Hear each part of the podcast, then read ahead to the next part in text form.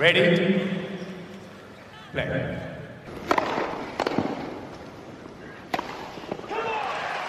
Merhabalar, Raket Servisi hoş geldiniz. Ben Gökalp. Ben Anıl, merhaba. Evet, bugün sevgili Mert Ertunga ile beraber yaptığımız bölümün artık üçüncü ve son bölümündeyiz. İlk kısımda mükemmel oyuncu yaratmıştık. İkinci kısımda nostal- nostalji yaptık. Ve bugün de artık geleceğe dönüyoruz. Lafı daha fazla uzatmadan Anıl ben sana bırakayım sözü. En sevdiğim ve bir an önce artık Grand Slam kazansın dediğim e, tarafa geçiyorum. evet, Next Gen'den bahsediyorum. Hani erkekler Next Gen'i konuşacağız, e, soracağız e, sadece. Çünkü kadınlar zaten e, Next Gen, Current Gen yani şu anda zaten Grand Slam Evet, kad- e, ka- kadınlar tenisinde pek next gen e, next gen ayrımı yok. Evet, yani zaten şu anda Onlar geldi bile. geldi bile tabii. Zaten kadın tenisinin şu andaki zevkli şu dönemlerdeki zevkli olması, seyri zevkli olmasının sebebi de o. Birçok vari, variyetesi olan yeni oyuncular var E, ve inşallah WTA bunun pazarlamasını iyi yapar. Çünkü WTA'nin Evet, yönetimi inşallah. çok kötü bu kalınca, son 10 senedir onun son 15 senedir çok kötü bir yönetim gösteriyor WTA. Hiç faydalanamadı. Elindeki kadar- üründen hiç faydalanamadı. İnşallah bundan faydalanırlar. Kesinlikle yani e, ATP ve WTA'yı ayrıştıran en önemli nokta nedir diye so- sorarsan zaten kesinlikle eldeki malzemeyi pazarlama kabiliyeti derim. E, Next Gen'den her oyuncuya bir ekstra güç ekleme haklı, hakkın var. Yani diyorsun ki bu oyuncuda bunu tamamlarsak muhteşem olur. E, hangisini eklerdin? Sırayla isimleri soracağız Mert abi. İlk isim bunun cevabı sanırım en kolayı. O yüzden en kolayından başlıyoruz. bir ekstra güç eklemek istesen Alexander Zverev'e hangi gücü eklemek isterdin? Evet, e, hemen erke- hemen servis mi diyelim? Direkt e, ikinci servis mi diyelim? İkinci servis diyebiliriz. Ee, bir biraz bir şey daha söyleyeyim ki bu hemen hemen hepsinde söylemek zorunda kalacağım onu. Ondan bir en baştan söyleyeyim bir daha tekrarlamak zorunda kalmayayım. Hatta şöyle söyleyeyim. Sitsipas'ı da soracaksın herhalde diye ta- tahmin ediyorum. Ama Sits- Sitsipas'ın dışında bütün bu Next Gen'deki herhalde senin sayacağın hemen hemen tüm oyuncular için şunu söyleyeyim. Kesinlikle biraz evvel bahsediyorduk e, ya da birinci bölümde bahsediyorduk. Fileye transition yani transi yani fileye geliş net oy file oyunuyla geri oyununu bir pakete koyup entegre edip tam bir paket silah olarak kullanabilme safhasına gelmesi lazım bütün bu next gen oyuncularının. Bu Biraz zayıflıkları bu zayıflıkları var. bence Mert abi. Ben Next Gen'i biraz e, cesaretsiz buluyorum. Özellikle Big Three'ye karşı hep böyle bir e, maça bir sıfır yenik başlıyorlar. Ve o yüzden Kesin. cesur e, o oyun stratejilerini portfolyolarına eklemiyorlar gibime geliyor. Yo yo kesin doğru söylüyorsun. Ee, 1-0 yenik başladıkları doğru. Ee, ancak e, Zverev'den bahset, ba- başlamıştık. Zverev işte bu demin bahsettiğim e, zayıflıklarından biri. İkincisi e, ikinci servis. Bir de en son olarak e, Zverev'in forehand'e köşeye uzanarak vurmak zorunda kaldığı toplarda bir, biraz eksiği var. O toplar hep kısa düşüyor. Dikkat edin. E, Zverev ne zaman ki zaten ben Zverev'in bir kere şunu anlamıyorum. Neden backhand'in etrafından dönüp forehand'ler vuruyor, vuruyor, vuruyor bazen Zverev onu ben anlamıyorum. Yani backhand'i backhand'i çok kuvvetli Zverev'in. Bunu yapan çok oyuncu var. Hatta bunu şeyle ben tartıştım bir gün e, Roland Garros'ta e, restoranda. Craig O'Shaughnessy vardır bu istatistikler e, şeyi. Uzun süredir e, tanıdığım ATP. Onunla bu konuyu konuştuk. O da mesela bunu destekliyor. Yani forehand'le daha hızlı vurabilirsin. Ben ben de dedim ki tamam baseline çizgisinin gerisinden anlıyorum. Belki hani baseline ge- gerisi, çizgisinin çok gerisinden dönüp forehand vurarak daha fazla güç edinebilirsin veya daha az e, omuz rotasyonu gerektirebilir. Tamam. Ama eğer be, backhand'in genelde forehand'inden daha kuvvetliyse ve top kortun içine gelmişse yani sen baseline üzerinde durup rahat bir vuruş vuracaksan niye backhand'inle niye dönüp forehand'inle vuruyorsun? Ben bunun e, gereğini an- anlamıyorum. Ee, Craig de zaten dedi. Evet yani o bahsettiğin o spesifik kadroda haklı olabilirsin. Onun istatistiğini yapmak lazım falan feşman diye konuştuk. Böyle bir konuşmamız geçti. Ama Ee, onu niye yapıyor bilmiyorum ve ama bunu Zverev'in durumunda bunu yaptığı zaman ortaya ne çıkıyor? Forehand tarafı boş kalmış oluyor. Eğer iyi bir vuruş yapmıyorsa o vuruşta, o, o etrafından dönüp vurduğu forehand'e iyi vurmadıysa boş forehand köşesine, düz köşesine vuruyorlar. Ve o da o zaman koşup işte bahsettiğim bu stretch yaparak vurmak zorunda kaldı. Forehandleri vurmak zorunda kalıyor. Ve orada topu kısa düşüyor veya hata yapıyor. Orada bir zayıflığı var yani. Hani Sampras'ın, Nadal'ın böyle koşarken uzanarak vurduğu forehandlerden bahsediyorduk. Zverev'in ve onların onu ne kadar iyi yaptığından bahsediyorduk. Zverev onu zayıf yapanlardan biri. Bir de o zayıflığı var. Biz bu arada 5 tane isim sayacağız. Hı-hı. Onun için hani başka eklemek istediğim olur dersen onları da konuşuruz. Ama ikincisi tahmin ettiğin Stefanos Tsitsipas. Ben ikinciye evet. geçmeden önce kişisel olarak Zverev'e bir de fikir ilave etmek isterdim güç olarak. Tabii tabii. E, kendisinde bu yok bence. Akıl fikir dedin değil Eyvah. mental yönden gördüğüm en zayıf isim ki belki de ikinci servisin zaten e, esas sebebi de bu e, mental zayıflık olabilir. Evet şimdi de şimdi e, senden bir adım daha da ileri gideyim. Ee, Zverev e, bu konuda 3-4 sene evveline 5 sene evveline nazaran çok daha ilerlemiş bir oyuncu.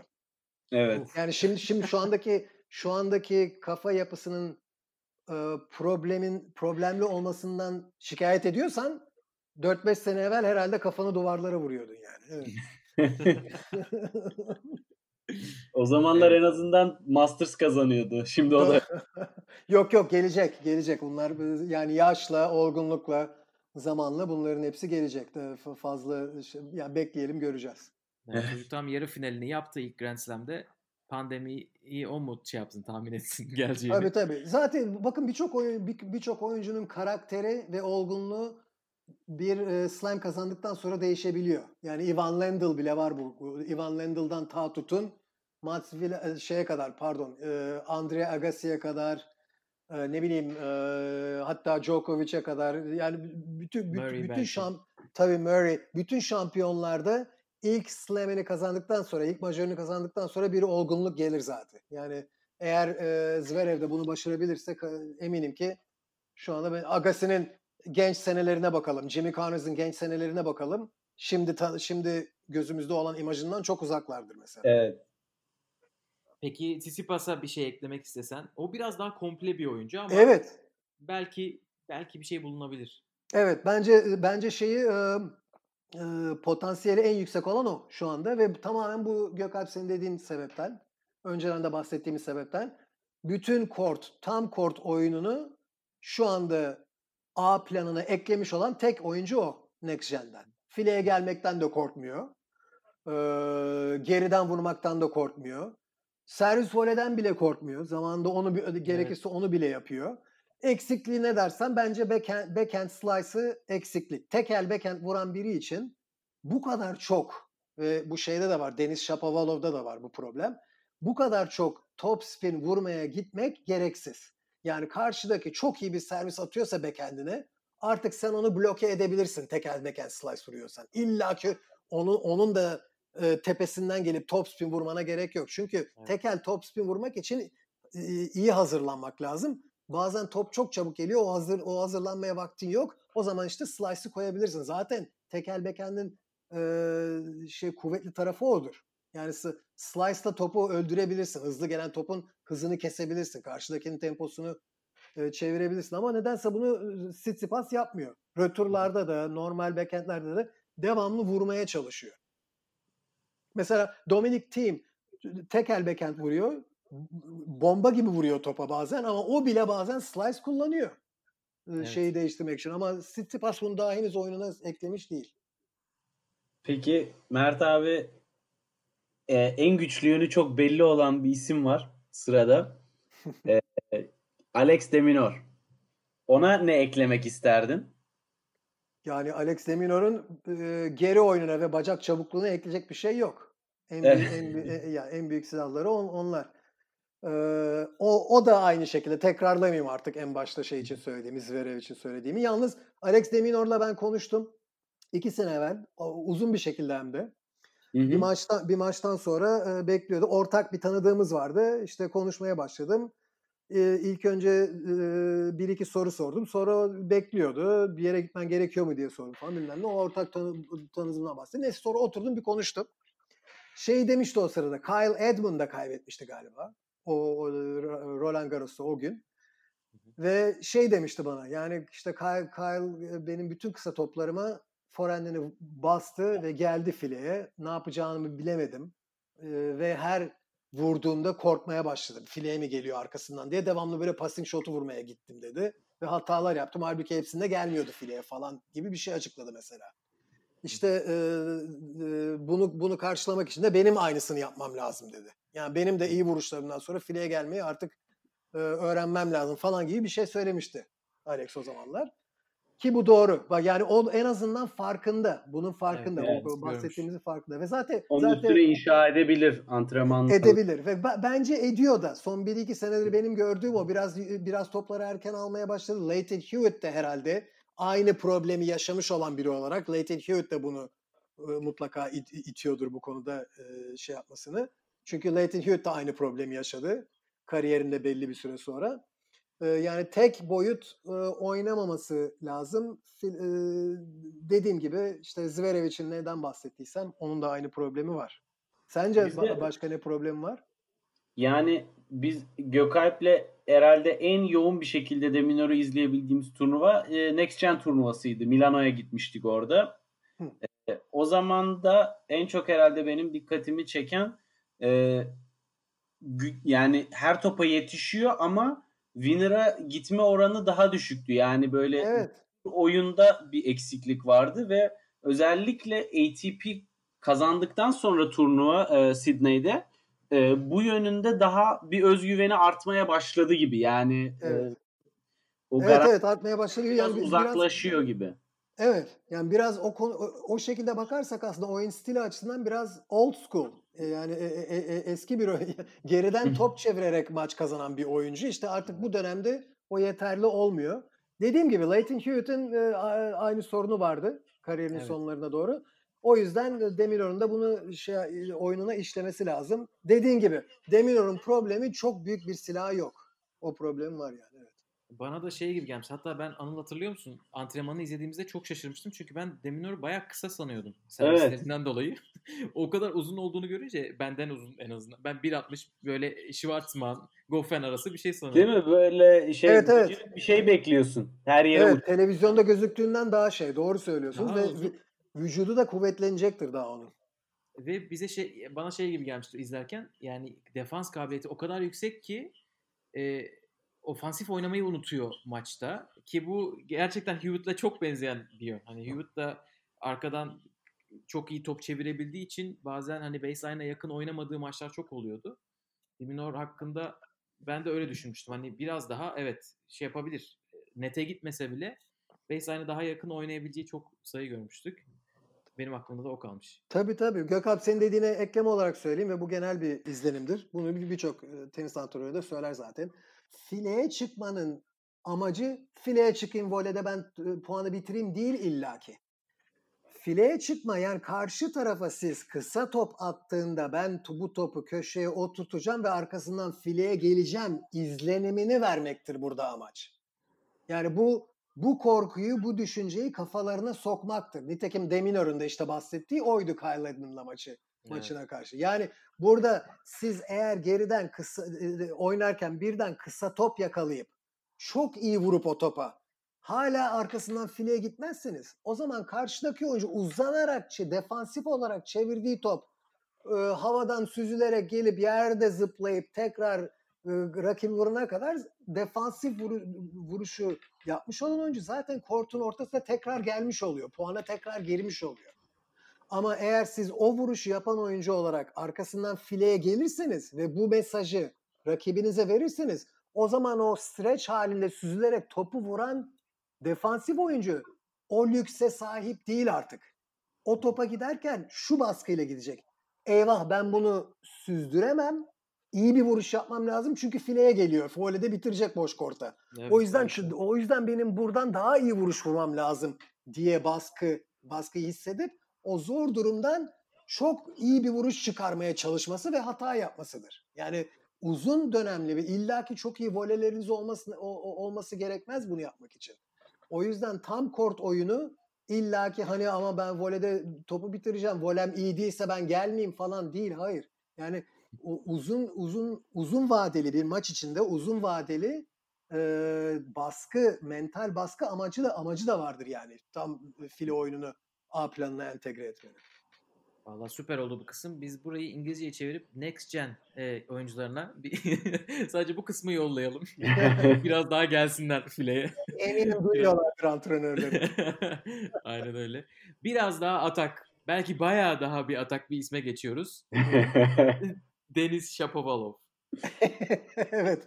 Ama bak şimdi. Aşırı atak ama yani. İşte tek, tekrar aynı konuya geleceğiz. Bakın ama katılıyorum aşırı atak. Çok fazla ama, atak. Yani, ama Şapovalov arkasından fileye geliyor mu bu vuruşları? Baseline'dan atak. E, evet, evet. baseline vuruyor. Kaldı ki şunu söyleyeyim. Şapovalov burada bu konuda ilerleme gösterdi. Yani 2 sene 3 sene evveline bakarsanız orada tamamen baseline'dan direkt puanlara gidiyordu bütün maç boyunca. Yani Şimdi, winners'ız sayı almak istemiyordu gibi hissediyorum. Hızlı winners'ız. Aynen. Tabii dinleyicilere söyleyeyim bu arada ben direkt puan kullanıyorum çünkü Türkçe'de böyle deniliyormuş ama winner yani sizin de bahsettiğiniz winner o. Bunların Türkçe terimleri bazen zor çünkü karşılığı bulmak. Ama evet Shapovalov tamamen direkt puana geriden winner'lara gidiyordu. Şimdi en azından artık fileye geliyor Shapovalov. Dikkat ederseniz son son 2019'un sonlarında 2020'nin başında hatta 2019'un tamamında kısa toplarda artık vurup fileye geliyor. Yani bunu yapmaya başladı file te, file tekniği şu anda çok daha henüz yeterli değil. Yani top geri gelirse bazen voleleri bitirmekte zorlanıyor. Ama en önemli en önemli şeyi engeli aştı Şapovalov. Yani fileye gelme isteğini ve taktiğini kısa toplarda. Yani illaki burada servis vole fileye gelmeden evet. bahsetmiyoruz. Kısa toplarda fileye gelme e, pla, e, oyununu A planına entegre etmeyi başardı. Bu en zoru, en zor engeldir. Bu dakikadan sonra artık hani bisiklete ilk binersiniz, düşersiniz, 5 defa, 10 defa, 20 defa düşersiniz en sonunda bisikleti kullanmayı öğrenirsiniz. Bu da öyle bir şey. E, en başta şimdi vole tekniği yeterli olmayacak belki. Bazı hatalar yapacak ama ısrarla evet. bunu yapmaya devam ederse belli bir süre gelecek. Vole tekniği iyileşecek. Topları bitirmeye başlayacak. O dakikadan Hı. sonra da zaten işte ben bunu yapabiliyorum. Güveni geldikten sonra artık geri dönüşü yok zaten. Yani o zaman bir üstte bir, bir sonraki e, seviyeye geçiyorsun. O zaman kaptan oyuncusu oluyor otomatikman tabii, zaten. Tabii Yani Shapovalov zaten bunu bu bu stepleri bitiremedikçe iyi bir ilk 10 oyuncusu olamaz. Çünkü şu anda oyunu sizin de dediğiniz gibi halen halen çok fazla direkt puan üzerine kurulu ve Shapovalov'un bu arada yani korttaki IQ'su da biraz zayıf. Yani sakın yanlış anlamasın dinleyenler Şapoval'a aptal demiyoruz. Yani bu, bu, bu kadar başarılı. Baş, şu anda bile tenisi bırakmış olsa başarılı bir kariyeri var Şapoval'ın. Evet. Hiç kimse yani kafası çalışmayan biri buralara gelemez. Zaten Şapoval'ı dinlerseniz çok da akıllı bir kişi kendisi. Hatta yaşı için olgun bana sorarsanız. Bu arada bizim tenisçilerimizden Ergi Kırkı'nın da arkadaşıdır kendisi. Öyle mi? O da var. Tabii tabii Ergi tanışır kendisiyle. Ee, Ergi de Belgrad'da güzel maçlar çıkarıyor e, bugünlerde. Onun evet da... evet. Ergi benim çok sevdiğim bir kardeşimiz. İnşallah başarılı olur. E, doğru. Onun Ama ilk Şapo... Junior Roland Garros maçını izlemiştik Gökalp'le beraber değil mi Gökalp? Ergi'nin. Evet evet aynen. Evet. Ee, yani o Şatriye'yi bırakıp izlemeye gittiğimiz Junior maçlarından. Ben de yapıyorum onu. Hiç merak etmeyin. Gayet iyi biliyorum o hissi. Ama e, e, Shapoval'ın bir de vücut, vücudu da çok güçlendi. Yani ben aslında Shapoval'dan şeyim. E, çok ümitliyim. Ama e, biraz daha işte o, onun Oyun da mesela Tsitsipas'ta bahsettiğim backhand problemi Shapoval'da da var. Slice çok az kullanıyor. Kullanmıyor evet. bile hatta. Yani tekel tekel backhand vura, vuran birinin en büyük e, e, ne bileyim avantajı. Cebin cebinde fazladan bulunduracağı bulundurabileceği bir hazinedir yani tekel buranın slice vurabilme kabiliyeti. Oyunu değiştirme Tabii. açısından. Wawrinka, Federer bunu yapıyorlar. Evet. Ee, team de zaman zaman yapıyor. O bile yeterince yapmıyor. Ama Shapovalov, Tsitsipas neredeyse %99 spin vuruyorlar. Evet. Yani e, mesela röturlarda Shapoval'a bazen slice'ı koy bu, ve bu bunu yaptı bunu yaptığından dolayı Shapoval'ın slice'ı iyi değil. Yetersiz şu anda. Evet. Ama e, antrenmanda her gün 2000 tane backhand slice vursun. Maçta yapmadıkça iyileşmeyecektir o. O yüzden yapmayı yani bu- onu onu eklemesi lazım oyununa. Galiba Eugene'in de en çok eklemeye çalıştığı yer burası oldu geldiğinden beri. Biraz daha görüyoruz. Böyle yüzde sıfırlardan 20'lere Değil, 30'lara doğru. çıkmaya başladı. Doğru haklısın hakikaten evet. De, ben biraz abarttım. Dediğin Ama gibi çok yüzde- hiç yok Evet. gibi hiç yok gibiydi gerçekten. Evet. Eugene gelene kadar e, sanırım sadece annesiyle çalışıyordu yanlış bilmiyorsam. Bir ara şeye geldi. e, Kanadalı bir koç geldi. Ama onlar çok şey yapmadılar. Şimdi biraz daha yeni yeni ekliyor. Evet. O zaman son isme geçebiliriz Mert abi istersen. Kendisi havuç kafa olarak da bilinir. çok genç bir e, oyuncu ama bence yaşına göre çok çok olgun e, ve soğukkanlı bir oyuncu. Bence tenis IQ'su çok yüksek biri. Yannick Sinner. Evet. Kesinlikle katılıyorum. Tüm dediklerine katılıyorum. Bilmiyordum kimden kimden bahsedeceğini ama siz son 2-3 şey, şeyden bahsederken herhalde Siner'den bahsediyor diye düşündüm. Evet yok hepsine katılıyorum. Biraz korkuyorum yalnız Siner hakkında diğerleri gibi konuşabil, konuşabilmek için. Çünkü daha henüz hiç yüksek seviyede başarısı olmayan biri. evet. O yüzden bence çok erken. Bir şey demek için çok erken. Yani e, Zverev mesela kendisini iyi turnuvalarda kanıtlamış birincisi. İstediğimiz kadar eleştirebiliriz. Ama Zverev'in yüksek seviyede başarılı olduğunu gördüğümüz var. Tabii. Aynı şekilde Tsitsipas da öyle. Shapovalov bile öyle. Di- Diğer oyuncular yani Siner'in bir oyuncunun gelişmesinde geçtiği, bas- çıktığı basamakları göz önüne alırsak e, diğerleri basamakların çoğunu çıkmış oyuncular. Yani son Evet. 4-5 basamağa gelmiş oyuncular ve o ve o basamakları nasıl çıkarım ben bunu çözmeye çalışan oyuncular. Siner daha aşağıda. Yani daha mer- merdivenin yarısına bile gelmemiş durumda Siner. Ben Ve bu- po- potansiyeli var. Potansiyeli var. Bütün bu dediklerinde doğru. Ee, vuruşları da çok iyi. Dediğin gibi ve korttaki kort kort ve kort içi ve kort dışı. Ee, tenise yaklaşımı IQ olarak, olgunluk olarak göz kamaştırıcı. Ama bütün bunlar yani merdivenin yarısını çıktıktan sonra diğerlerinin geldiği basamaklara gelmesini sağlayabilir mi? Bilmiyorum. Daha daha daha görmemiz lazım. Ben Bet One Aces Berlin'deki turnuvada biraz izleme fırsatım oldu. Fiziksel olarak bir kere çok gelişmiş. Bence bu arayı Evet. bayağı değerlendirdi gibi. Yani turnuva tur ne zaman geri döner bilmiyorum ama yani maç oynanmadığı halde bayağı bir seviye atlayarak geri dönecek gibime geliyor. Kesinlikle ben de öyle bekliyorum ve şu, şunu da söyleyeyim hiç mesela bahsetmedim konudan aslında bir, bir, bir ilk dönem ve ilk bölüm ve şimdiki bölümde neredeyse toplam iki saattir konuşuyoruz hiç bahsetmedik bundan. Ee, bir tek Raonic ge- konusu açılınca bahsettik. Ee, sakat sakatlık konusu var tabii. Yani bütün bunlardan bahsederken biz sakatlanmadan oynadıklarını e, şey yapıyoruz Varsayıyoruz. e, varsayıyoruz. Acaba şimdi ben tabii tabii tam olarak bilmiyorum. Bilmiyorum siz siz belki bilirsiniz. Siner'in Siner sakatlık geçirdi mi henüz? Yani ciddi bir sakatlık geçirmiş olduğu var mı son junior senelerinde veya son 1-2 senede duydunuz mu? Benim şey? bildiğim hiç yok. Ama zaten yani çok kısa bir sürede ortaya çıkıp Wildcard'la Next Gen'e katılıp Next Gen'i kazandı. E, ondan önce zaten böyle fena olmayan, potansiyeli olan bir genç olarak görünüyordu hani ortada. Evet. O zaman şu o zaman şunu söyleyeyim yani sakatlık geçirmeyecekse çok büyük potansiyel var. Dediğin gibi fizik fiziği çok iyi, vuruşları iyi, olgunluğu yani e, ne bileyim hani iyi bir 5 yıldızlık bir akşam yemeği hazırlayacaksınız. İşte her türlü e, malzemeyi aldınız. Hepsi de 5 yıldızlık ve artık işte yemeği hazırlamaya başladınız. Evet. E, O yemek büyük bir ihtimalle e, çok iyi olacaktır. Sen de iyi aşçıysan tabii. Evet, Ama son- aşçıya bağlı diyecektim ben de. Ama Bana verme burada o malzemeleri Mert abi. E, aç kalkarsın Yani sofrada. bakın şimdi malzemeler, Siner'in malzemeleri vuruşları, teknik tekniği. Aşçılık kimliği de işte kendisinin olgunluğu ve e, IQ'su. Bütün bunlar var. Yani sakatlık da yaşamazsa Siner'in ciddi bir kariyer patlaması patlama yapması ihtimali çok yüksek. Yani burada e, olasılıklardan bahsediyoruz tabii ki biz.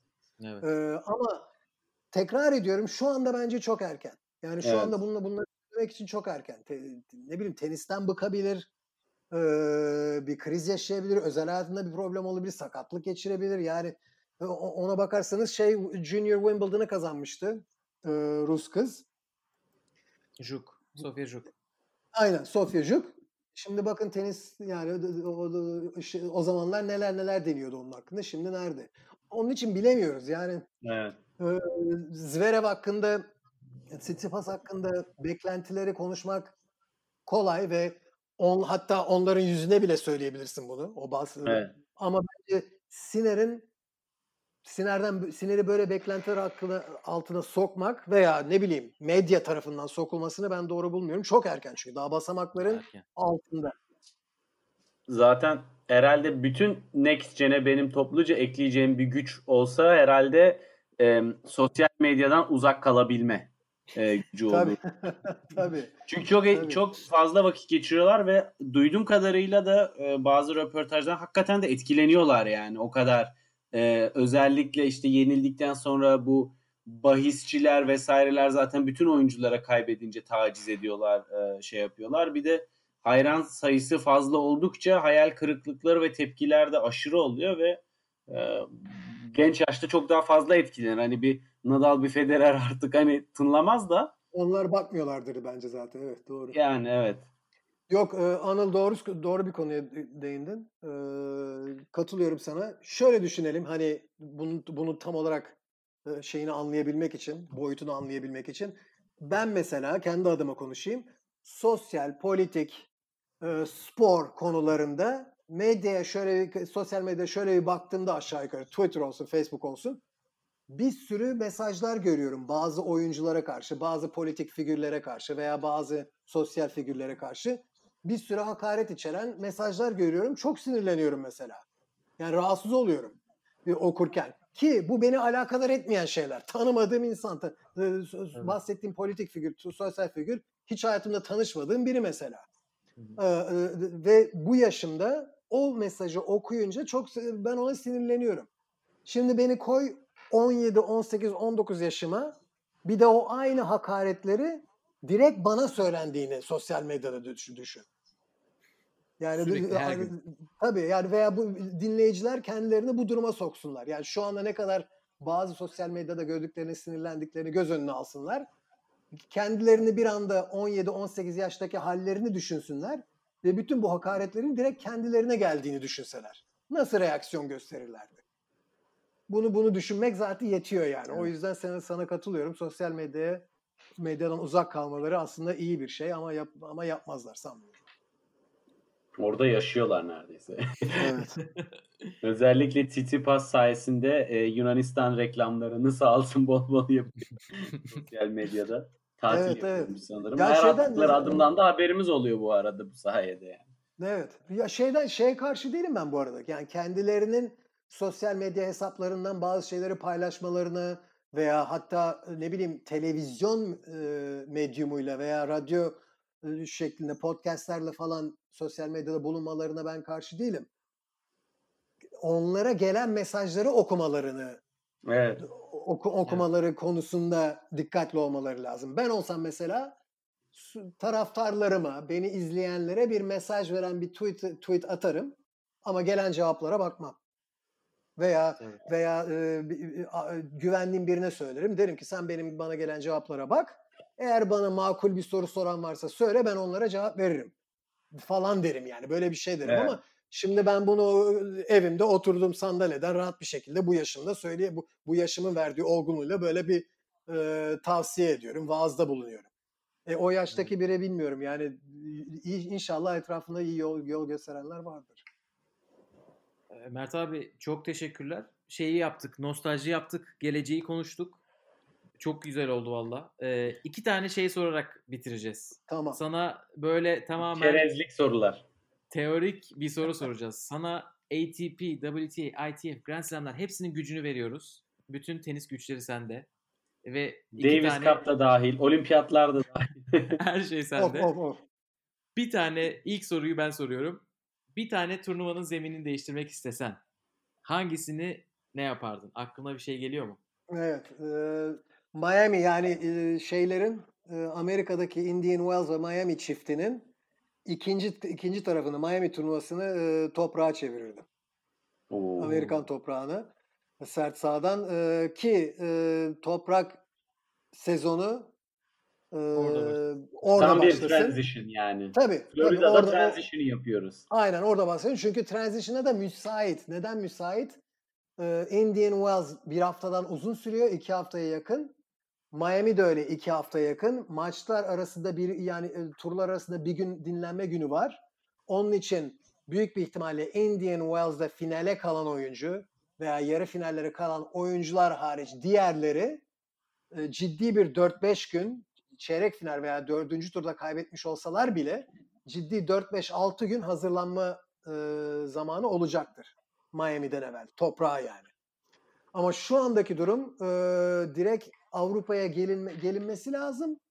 Saat farkını, okyanus aşırı e, seyahatlerin göz önüne alınması lazım. Saat farkının göz önüne alınması lazım. Bir de e, önemli bir zemin değişikliğinin göz önüne alınması lazım ve hemen toprak kortlarda başarı bekleniyor ve o turnuvalar da zaten bir haftalık turnuvalar. Bu yüzden hemen birinci, ikinci günde maç oynamak gerekiyor. Ee, onun için Vallahi. bence bu kadar 2-3 tane çok büyük değişikliğe uğrayan bir dönemde, bir haftada en azından bu e, bu yani bu çok fazla değişikliklerden bir tanesini e, elimine etmiş olur toprağa oyna oynatmak Miami'de. Zaten Ra- sert Ra- sahada Rafa çok- bunu sevdi. Evet. Za- zaten sert sahada çok tu- turnuva oynanıyor.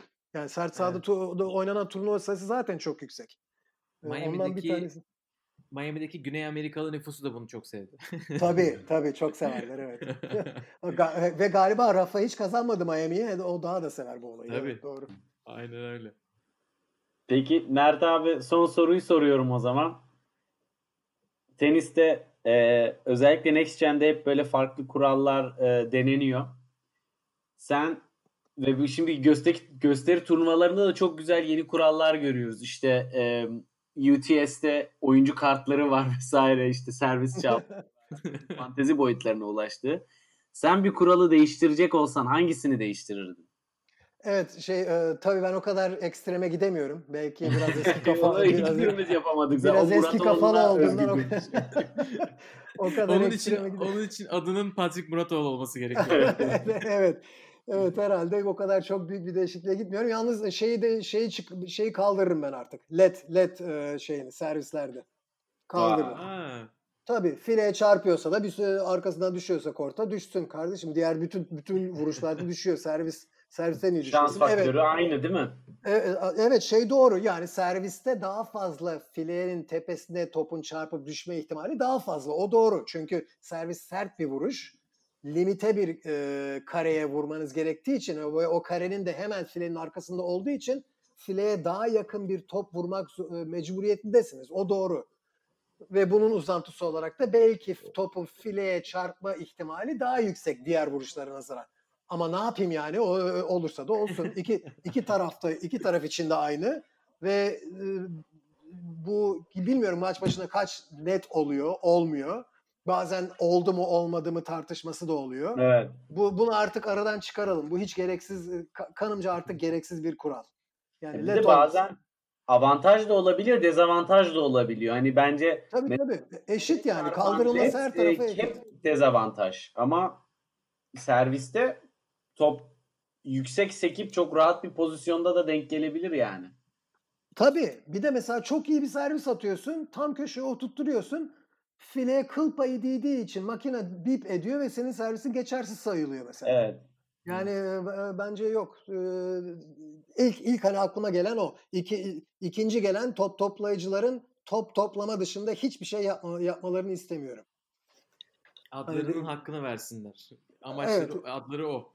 E, Yani top toplasınlar işte oyuncuların havlularıymış gitsinler kendileri alsınlar havlularını. E, Ellerine otu- yapışmaz değil mi? e, otu- otu-. Evet, o exa- e, aynen. O, o şeye giderken mesela e, set sonlarında veya game game aralarında o, oturmaya giderken gitsinler e, orada buzdolabından kendi içeceklerini kendileri alsınlar oyuncular. Her şeyi artık e, top toplayıcılara e, yani top toplayıcılar bir nevi oyuncuların hizmetçileri haline geldi şu anda. Evet. Bir ki, ki bir saat sorunu da var ayrıca yani. Kim ister ki bir oyuncunun ter, ter- terli havlusunu her dakika getirip götürmeyi. Ve Pandemi Bu- dönemi özellikle. ya evet yani bu bir de şeye aynen pandemi dönemi. Pandemi döneminde döneminden evvel de yalnız bu yanlıştı. Bakın şöyle evet, söyleyeyim. o zaman da tartışılıyordu zaten. Ya tabii canım mesela şöyle söyleyeyim ben size ben dediğim gibi bu hizmetçi gibi bir, bir nevi yani bu, bu- bununla neden paralel koyuyor, kuruyorum mesela Evet. siz kafamdan atıyorum eee, evde gidip kendiniz buzdolabınızdan suyunuzu alıp içiyorsunuz değil mi mesela veya ne Evet. içeceksiniz alıp içiyorsunuz paralel bir dünya düşünelim Anıl mesela sen Gökalp de olabilir, Evet. olabilir bu Anıl sen paralel bir dünyada yaşıyorsun diyelim ki bir hizmetçi var ne zaman içecek bir şey istesen o gidip getiriyor sana. E belli bir süre sonra sen gideceğin varsa da gitmezsin zaten. Evet. Anladın mı? Yani e, oyuncular O da benim bu bir görevim olmaktan çıkıyor kafamda. Evet yani e, e, o, e, oyuncular da bu hale gelmiş. Double fault yapıyor, havlu istiyor. Karşıdaki el satıyor, topa bile vurmuyor, havlu istiyor. Yani e, e, her de, devamlı da Ne hazır yaptın oyuncular da getiriyor. terledin? Ya evet yani oy- oyuncu oy- yani e, şimdi bakın oyuncu top toplayıcılar oyunculara havlu getirmiyor olsalardı o oyuncular gitmezdi havlulara o, o kadar. Aynen. Ama yani ge- artık gerek şeyden çıktı, gereklilikten çıktı. Bu bir konsantrasyon rutini. Hazır bana getiriyor, getirsin kardeşim. Ben vakit geçireyim falan. Yani bu oyuncular artık bundan e, bunu gereksiz kullanmaya başladılar. E, bence kaldırılması lazım. İsteyen isteyen oyuncu gitsin ko- kort arkasına havlusunu kullansın gelsin. Arada 25 saniye 30 saniye vakit var. İlla ki her puandan sonra da gitmesi gerekmiyor. Ayrıca Ayrıca bu 2005'ten 2006'dan beri var olan bir problem. Yani birden Evet. 2000 bir, bir- birden 2005'ten Yok. sonraki insanlar şu- daha mı fazla terlemeye başladı? Yok böyle bir şey yani. Ne, ne Mart? Küresel ısınma Mert abi. Hep. Evet evet küresel ısınma. O bir o, evet. En çok teniste görüyoruz bunu evet. Valla ben olsam karar puanını getirirdim. Deuce kuralını kaldırırdım. Olabilir evet. Çok seviyorum. Daha dinamizm ve heyecan böyle anlık bir anda pat pat değişebiliyor. Ben, e, Anadolu Üniversite tenisini ben öyle oynadım. 1980'lerin sonu 90'ların başı Amerika'da üniversite tenisi öyle oynandı. Ee, hiç sevmediğim bir şey şahsen. Ee, yani benim şahsi şahsi e, tecrübem negatif. Çoğunu kaybettiğimden değil ama çok negatifti. Karşımda çok iyi servis atan biri ol- olduğu zaman çok zordu o yani. Ama neyse ama tabii karşıdaki için de zor yani illaki bana olan bir şey değil. Dediğin gibi e, düşünülebilir tabii. Gökalp sence? Ben biraz e, şey yapmak istiyorum. Senin Twitter'ına gitmek istiyorum. E, Senin hani bu Grand Slam önerin vardı. O benim için mükemmel bir kural değişikliği olur. Evet, evet. Çünkü senelerdir 3 Evet. sene 3 set üzerinden mi 5 set üzerinden mi oynansın? Ya benim hayalimde şöyle bir şey vardı. İki tane ya iki prensip olsun Grand Slam'lerle alakalı. Bir tanesi Grand Slam'ler diğer turnuvalardan daha zor kazanılsın. İkincisi de kadın ve erkekler eşit formatta oynasınlar. Aynı formatta oynasınlar. Ve senin e, söylediğin sanırım eskiden de denenen e, 70'lerde 80'lerde bir iki sene 70'lerde denenen- denendi. Bir 3-4 sene 70'lerde denendi evet. Aynen. Wimbledon'da sanırım yağmur olduğu için çiftlerde son dakika planı olarak uygulanmış 90'larda galiba. Evet. Bu çeyreğe ya da dördüncü tura kadar 3 set üzerinden oynayıp sonra 5 set üzerinden oynama herhalde o olurdu. Ben Evet. onu, onu çok beğendim. Ki- Yo yo kesinlikle katılıyorum. Ee, dediğin gibi bütün bütün faktörleri göz önüne alan bir çözüm. Aslında benim ilk tercihim o değil. Benim ilk tercihim hem kadınlar hem erkeklerin 5 set oynamaları şeydi. Yani erkeklerin şu anda 5 set oynamalarını ben sev- seviyorum. Ama çok iyi biliyoruz ki bu e, şey e, yani gün program program günlük programı üretebilmek açısından bu imkansız. İki hepsinin 5 sete dönmesi. Evet. Ee, ama dedi, de- senin de dediğin gibi benim de Twitter, Twitter'da yazdığım gibi e, e, çeyrek finale çeyrek finalden itibaren 5 set oynayabilir. Kadınlar da oyna, oyn- oynasınlar 5 set istiyorum ben. Çünkü bence kadınlar zaten şu andaki durumda bir haksızlığa kurban gidiyorlar. Ee, ne zaman ki Wimbledon'ın en iyi 10 maçını say bana desem hem kadınlara hem erkekleri göz önüne alarak çoğu insan biz de dahil ben de dahil 10 maçın 9'unu hatta belki 10'unu birden erkek maçı olarak seçeceğiz. Evet, evet. Çünkü 5 setlik maçlar, epik maçlar e, iyi iyi 5 setlik maçların doyum e, zevkine doyum olmuyor. 3 setlik 3 setteki bazı maçlar hemen çabuk bitebiliyorlar. Bakın e, şeyden bahsedeyim ben size. Amerika açık yarı finali galiba. Soderling'le Federer oynuyordu. 2010 mu 2011 mi ne hatırlamıyorum tam seneyi. İlk 2011'de ikisi- burnout'a girmişti sanırım Söderling. Herhalde 2010'dur diye tahmin ediyorum. Evet olabilir. 2010'dur. Evet 2010 herhalde. Yarı final maçı bu. Galiba Federer ilk iki seti 6-1 6-0 mı 6-1 6-1 mi aldı. İnanılmaz bir tenis oynadı Federer. Ama tek taraflı bir maç. Yani e, Federer taraftarı isen çok hoşuna gidiyor seyretmek ama bir tenis sever olarak tek taraflı bir maç sonuçta. Sonra ikinci iki ilk iki set bitti. Üçüncü sette de iyi başladı Federer ama Soderling maçı çevirmeye başladı. İlk üçüncü seti ortak oldu. Sonra bir anda üçüncü ve dördüncü set 7-5, 7-6 mı ne bittiler iç- üçü de. Federer sonuçta 4 sette kazandı. Ama iki set boyunca inanılmaz bir maç oynandı. 3 set üzerinden oynanılan maçların bu şansı yok. O, o maç 6-1 6-1 bitiyor. Yani bir bir oyuncuya tekrar geri maça girebilme şansı, ekstra bir maça tekrar girebilme şansı ve rutin gözüken bir maçı tenis severler için göz zevki yüksek olan, heyecanı yüksek olan bir maça çevirme ihtimalini de elinden almış oluyoruz. 3 set üzerinden oynanarak. Oynatarak. Evet. evet. Da- Dar- e, bir maç daha var şu anda aklıma gelmiyor. Daria Kasatkina ile Kerber galiba veya Kasatkina ile bir yarı final maçıydı. 6-2 7-5 bitmişti. Kerber maçı olabilir. Neyse o, o, o- şimdi aklıma geliyordu o maç. Mesela Kasatkina sadece ikinci setin sonlarında ilk seti kaybetti rahat. İkinci sette bir break geriye düştü. Sonradan maçı çözmeye başladı. Oyununu çözmeye başladı ve ikinci seti 7-5'e 7-6'ya uzattı. Çok da güzel bir bir 20-30 dakika oldu o 20-30 dakika ve maç bitti. Şimdi benim içimde öyle bir his vardı ki benim hevesim kursağımda kaldı o maçı seyrederken. Yani 5 set üzerinden olsaydı o maç, yarı final maçı, belki Kasatkine çözmüştü artık oyunu. Üçüncü Evet, seti evet. alacaktı. Belki dördüncü seti alacaktı. Beş sete çıkacaktı ve çok güzel bir maç ortaya çıkacaktı. Ve biz de o maçı senelerce konuşuyor olacaktık. Evet. Yani ni- ki kim istemez ki 3 tenis sever olarak 3 setlik güzel bir maç mı seyretmek istersin? 5 setlik güzel bir maç mı seyretmek istersin? Eminim ki çoğu tenis sever 5 setlik güzel maçı isterim ben der yani. WTA bunu denedi 90'larda WTA finallerinde. Mesela Seles'le e, Seles'le kimin do- 1995 finali var. Çok güzel bir maç mesela. 5 set sürdü. Kadın tenisi elde edebileceği dikkati edemiyor bu 3 set üzerinden oynanılan maçlardan dolayı. Ben bu öneriyi zaten o zaman da e, desteklemiştim biliyorsun. E, benim en çok hoşuma giden bu fikir de şu.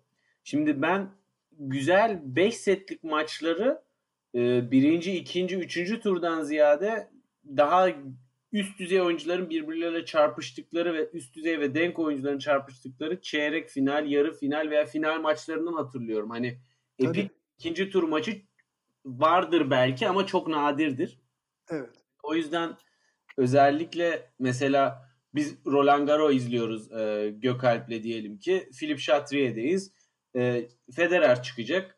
Orada ikinci tur maçını izliyorsak o maç 2 saat Federer'i izliyoruz ama yani hadi maç ne zaman bitecek? Zaten kazanacağı çok bariz bir şekilde izliyorsun o maçı. Tabii. Orada heyecan dozajı çok daha düşük oluyor. O maç 3 set olmuş, 2 set olmuş. Açıkçası benim için hiçbir şey fark etmiyor ama e, mesela bir e, işte hafta maçı. e, Nadal maçı olduğu zaman iş çok farklı bir noktaya gelmişti mesela o zamanlar. Hani Tabii tabii.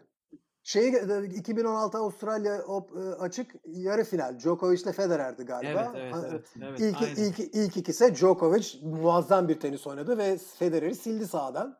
evet. Ama işte sonuçta büyük şampiyonlar e, Djokovic gibi, Nadal gibi, Federer gibi, Serena Williams gibi büyük şampiyonlar 5 setlik önlerine şans verirsen bir noktada maçı çevirebiliyorlar. Yani o kadar Evet. ümitsiz bir durumda bile Federer o maçı çevirdi ve 3. seti aldı. 4. seti yine Djokovic aldı ve kazandı maçı. O ayrı. Ama 5 set üzerinden olmasa o maç biz o biz o maçtaki son iki güzel son iki sette oynanan çok güzel çok yüksek seviye tenisi Evet. seyredemeyecektik. Evet, tek taraflı- tek yakındı. Tek taraflı bir maç oynayıp ka- defteri kapatmış olacaktı. Bu kadınlarda çok oluyor. Şimdi şeye bakalım. Ee, bahsettik de.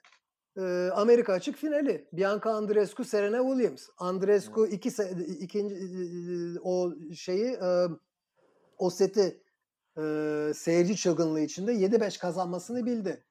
Kim garanti verebilir şimdi o maç 5 set olsaydı o maçı Andreescu'nun kazanabileceğini? Evet, o inanılmaz bir maç olurdu gerçekten. Beş set Yani olsa. o, o, o maç nerelere giderdi kim bilir ve belki tarihin gelmiş geçmiş en iyi maçı haline döne, dönebilirdi o maç. Çünkü setting öyleydi yani. Evet, Ee, bir, ge- bir genç, bir yaşlı oyuncu, bir tecrübeli bir tecrübeli sonra yeni ortaya yeni çıkan bir oyuncu. Oyun kontrastı da var. O maçın e, bir kafamdan atıyorum 1980 Borg McEnroe seviyesine çıkmaması için hiçbir sebep yoktu. Kadınlar Evet. tenis ağacı adına. Doğru. Ama çıka ama çıkamadı işte. Yani o 3 3 set o şansı vermiyor. Onun için e, kadınların 5 set üzerinden oynamaları lazım çeyrek finalden itibaren çeyrek finalden itibaren. Çok daha çok daha güzel olur ve tenis tenis severler de çok daha fazla e, zevk alır. İlla ki de baştan sona kadar da seyretmeleri seyretmesi şart değil kimsenin. Şu anda zaten ki. 3 set, üç setlik maçları da çoğu insan ilk puandan son puana kadar seyretmiyor. Çünkü bir Evet. set seyrediyorsun. Sonra ne bileyim bir, bir kafamdan atıyorum. Bakkala gidiyorsun. Bir şey olsun geliyorsun. Sonra devam ediyorsun ikinci set 4-4'ten. Yani Aynen öyle. o bir, o bir bahane değil. Mert abi o zaman çok çok teşekkür ederiz. Evet. Her şeyi konuştuk. Bir sürü şey konuştuk. Valla e, konuşmaya da devam ederiz. Evet. E, ama iki bölüm yaptık beraber. E, evet çok fazla da teşekkür ederiz. fazla da şey yapmıyor. Evet, Doğru. e, tenis muhabbeti olunca insan akı, zaman akıp gidiyor. Çok teşekkür Ya ederim öyle size. konular laf lafı açtık yani ayrı ayrı bölümlere hak eden konular bence. Evet. Ama Şeyi de- söyleyelim. Dinleyicilere söyleyelim. Biz şimdi biraz Evet. evvel bahsettiğimiz gibi ilk dakikadan son dakikaya kadar hepsini birlikte dinlemelerini Onun için sonlarda teklemeler olduysa bizde Evet. ondandır. Evet. Ama bi- bize zaman ayırdığın için çok teşekkür ederiz. Çok Rica güzel ederim. bir bölüm oldu. Çok sağ olun. Ağzına sağlık. Valla tekrar bekleriz. Zaman zaten bir tenis tekrar, tekrar oynanmaya başlansın. Ee, bir an önce onu bekliyoruz ama bu dönemi iyi değerlendirdik bence. Eskiyi, geçmişi, şimdinin oyuncularını konuşarak. Tamam. Ee, teşekkür ederiz. Yok size de teşekkür ederim. Ee, İkinize de sevgiler. Ağzına sağlık Mert abi. Yine yeni şeyler öğrendik sayende. Çok teşekkür ediyoruz. Yok, Estağfurullah. Ama e, en kı- kıymetlisi bence e, Agassi ile olan anındı diyebilirim hepsi. Evet, evet. Neyse onu da anlattık. Vallahi ka- kaç kişiye de anlattım bilmiyorum. Çok az kişi biliyordu aslında bunu. işte biz bizeyiz. Raket servis Evet. dinleyicileri. evet. Çok teşekkürler. O zaman burada kapatalım. Tamam. Ee, bir sonraki bölümde görüşmek üzere diyelim dinleyicilerimize de. Hoşçakalın. Hoşçakalın.